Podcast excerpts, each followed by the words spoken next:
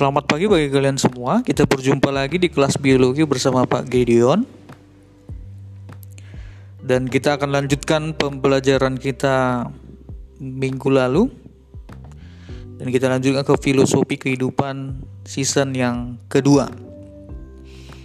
Season yang pertama, kita sudah mempelajari mengenai peristiwa, sistem, energi, materi, eh, kemudian termodinamika, entropi, entalpi, dan uh, yang terakhir adalah hubungannya dengan kesetimbangan.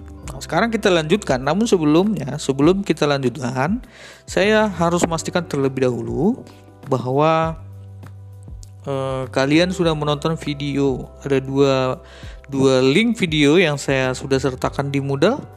Sebelum kalian memulai podcast ini, kalian harus terlebih dahulu untuk menonton video tersebut.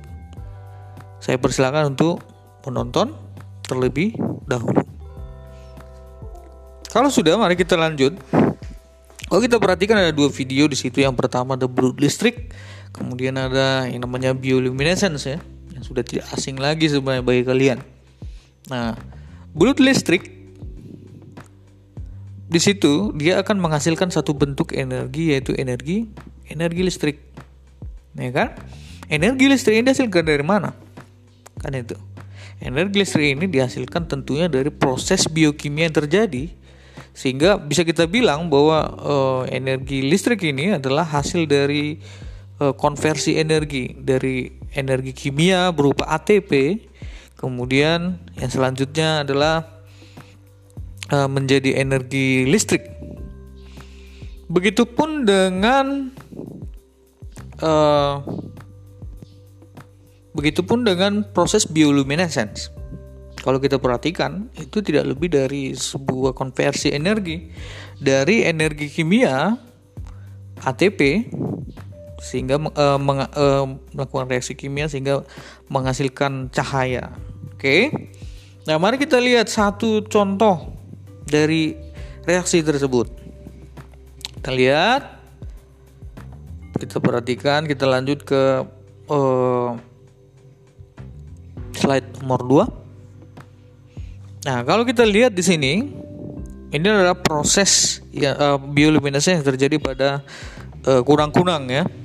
Nah, kalau kita bicara bioluminescence ini akan terjadi secara unik berbeda hewannya maka berbeda reaksi kimia yang terjadi. Kalau pada kunang-kunang dia melibatkan satu protein tertentu yang kita sebut sebagai luciferin. Perhatikan luciferin tersebut.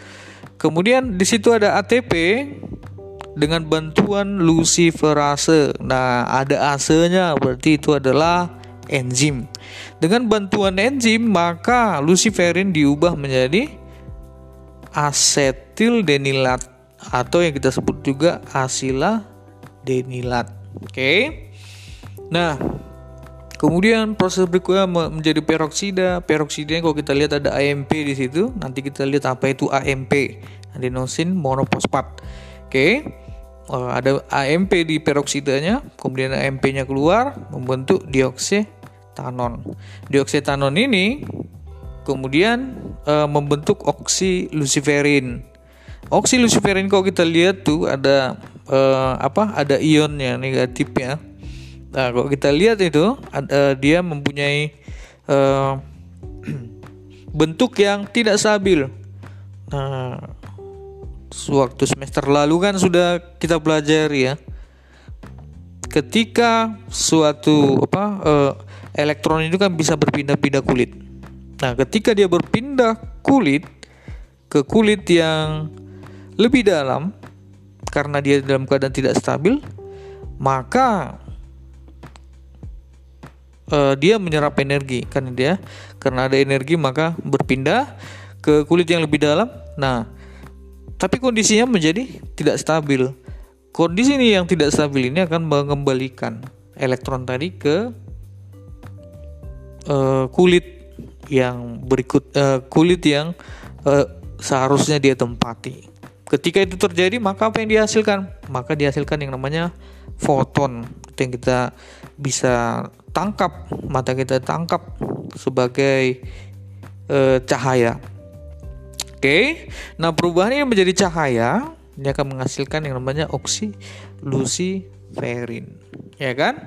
Nah ini adalah proses unik yang terjadi pada uh, reaksi kimia bioluminescence pada kunang-kunang. Oke, okay. next slide, slide ketiga. Sehingga bisa kita simpulkan bahwa kehidupan tidak pernah lepas dari yang namanya uh, dua hal, yaitu ada ATP dan enzim. Kita lihat tadi ada enzim yang bekerja, kemudian ATP juga. Semua reaksi biokimia yang terjadi dalam uh, uh, dalam uh, kehidupan kita itu terjadi oleh bantuan dua hal, yaitu ATP dan enzim.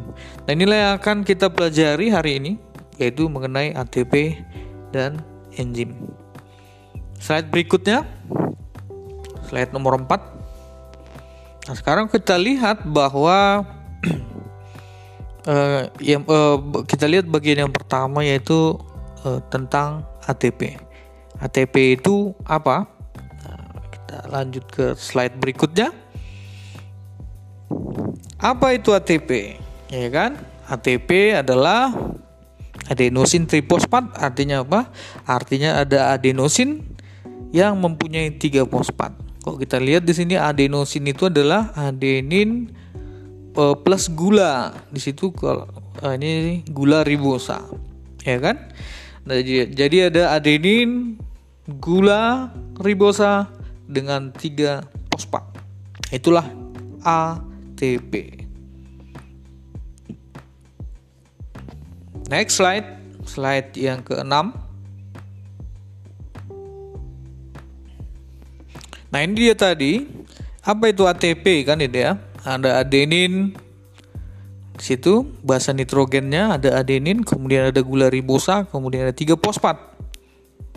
Nah sekarang mari kita lihat saudara-saudara dari ATP. Oke, saudara-saudara dari ATP ada yang namanya AMP Nah, adenosin monofosfat. Tadi kan adenin plus gula ribosa itu apa? Adenosin ya. Adenosin monofosfat berarti ada adenosin dengan satu fosfat. Itu namanya AMP. Oke. Kemudian selanjutnya saudara dekat yang lebih dekat lagi dari ATP adalah ADP. Ini bukan hari ini Desianti Parawi ya, Bu Kepsek ya, bukan ya. Oke, adenosin fosfat berarti ada adenin, gula ribosa dengan dua fosfat. Baru kemudian ATP, ada ade adenosin dengan tiga fosfat. Oke. Inilah saudara-saudara terdekat dari uh, eh, ATP. Nah, sekarang kita lihat sepupunya, ya kan? Nah, ada yang namanya GTP. Nanti kita perhatikan di siklus Krebs. Ya, uh, bab berikutnya. Oke, kade berikutnya siklus Krebs ada GTP. Oke. Ini adalah guanin trifosfat. Nah, coba perhatikan apa bedanya dengan ATP tadi. Iya, bedanya adalah basa nitrogennya. Kalau tadi ATP dia adenin, maka GTP itu guanin. Ya kan? Nah, kemudian saudara yang lebih jauh lagi, ada kok kita perhatikan dia akan e, mirip dengan DNA dan RNA di mana ada basa nitrogen, gula ribosa ataupun deoksiribosa. Kalau DNA deoksiribosa, ribosa e, gula ribosa kalau dia RNA, ya kan? Dan fosfat. Oke. Nah, jadi mirip ya. Mirip ATP, GTP, DNA, RNA. Oke, sehingga kalau kita harus memasukkan dia ke dalam makromolekul, maka GTP akan lebih cenderung masuk ke dalam uh, makromolekul apa nukleo tidak. Oke, nah itulah dia sekilas mengenai ATP. Nah, apa yang bisa dikerjakan oleh ATP? Nanti ya. Nah, mari kita lihat ada tiga kerja utama yang bisa dikerjakan oleh ATP. Oke, yang pertama itu adalah kerja kimia, chemical work.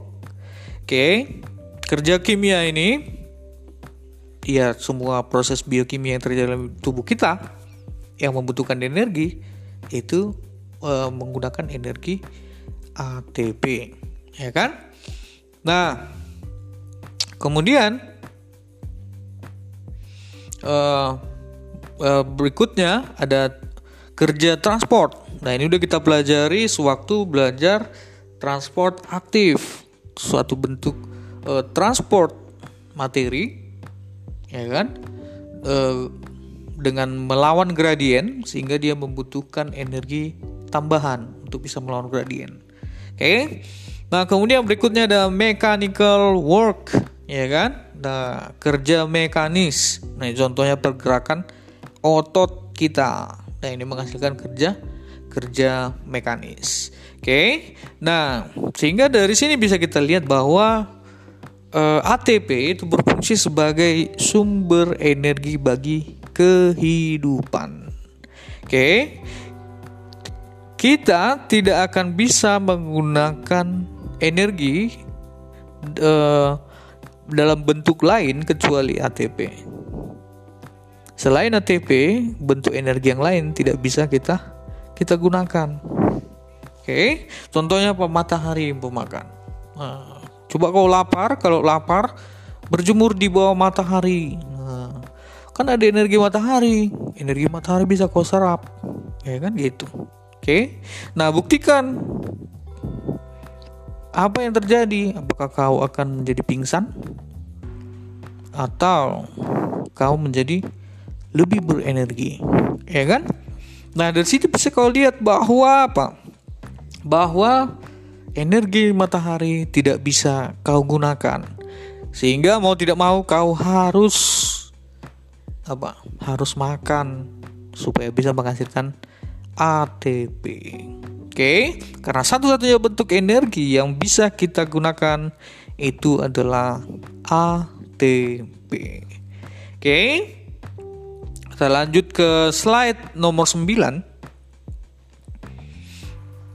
bagaimana ATP bekerja ya nah kita mau membentuk uh, suatu senyawa AB umpamakan oke maka eh, ATP bekerja dengan cara menggandengkan dua reaksi yang berbeda ya kan reaksi yang membutuhkan energi dan reaksi yang melepaskan energi jadi digandengkan tapi ketika di kita jumlahkan, maka kita akan uh, mendapatkan surplus energi.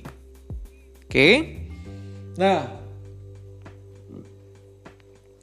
mari kita lihat bagaimana prosesnya, bagaimana ATP bekerja, ya. Nah, di, uh, kita mau bentuk AB, oke, okay? dari A dan B, oke. Okay? Maka yang dilakukan oleh ATP adalah yang pertama sekali dilakukan adalah dengan cara uh, memfosforilasi salah satu substrat yang akan bereaksi. Dalam hal ini contohnya adalah A. Oke. Okay. A tambah ATP dia akan menghasilkan A dengan PI plus ADP. Oke, satu fosfatnya tadi itu akan memfosforilasi A Oke, sehingga A mengalami fosforilasi dan ATP mengalami hidrolisis. Oke ya, bisa ya. Nah, prosesnya kita sebut sebagai fosforilasi. Selanjutnya, A karena dia sudah mendapatkan bentuk energi, ya kan? Suatu bentuk energi, energi tersebut apa? Dia menjadi lebih reaktif terhadap B. Ketika itu terjadi, maka A dan B akan e, bisa bereaksi, oke, dengan melepas apa fosfat inorganiknya. Oke, fosfat inorganik ini nanti di e, respirasi sel nanti kita belajar berikutnya ini akan digandengkan menjadi ATP kembali. Oke. Nah, begitulah uh, e, ATP uh, bekerja melakukan kerja-kerja yang uh, biokimia yang terjadi dalam tubuh kita. Oke. Okay.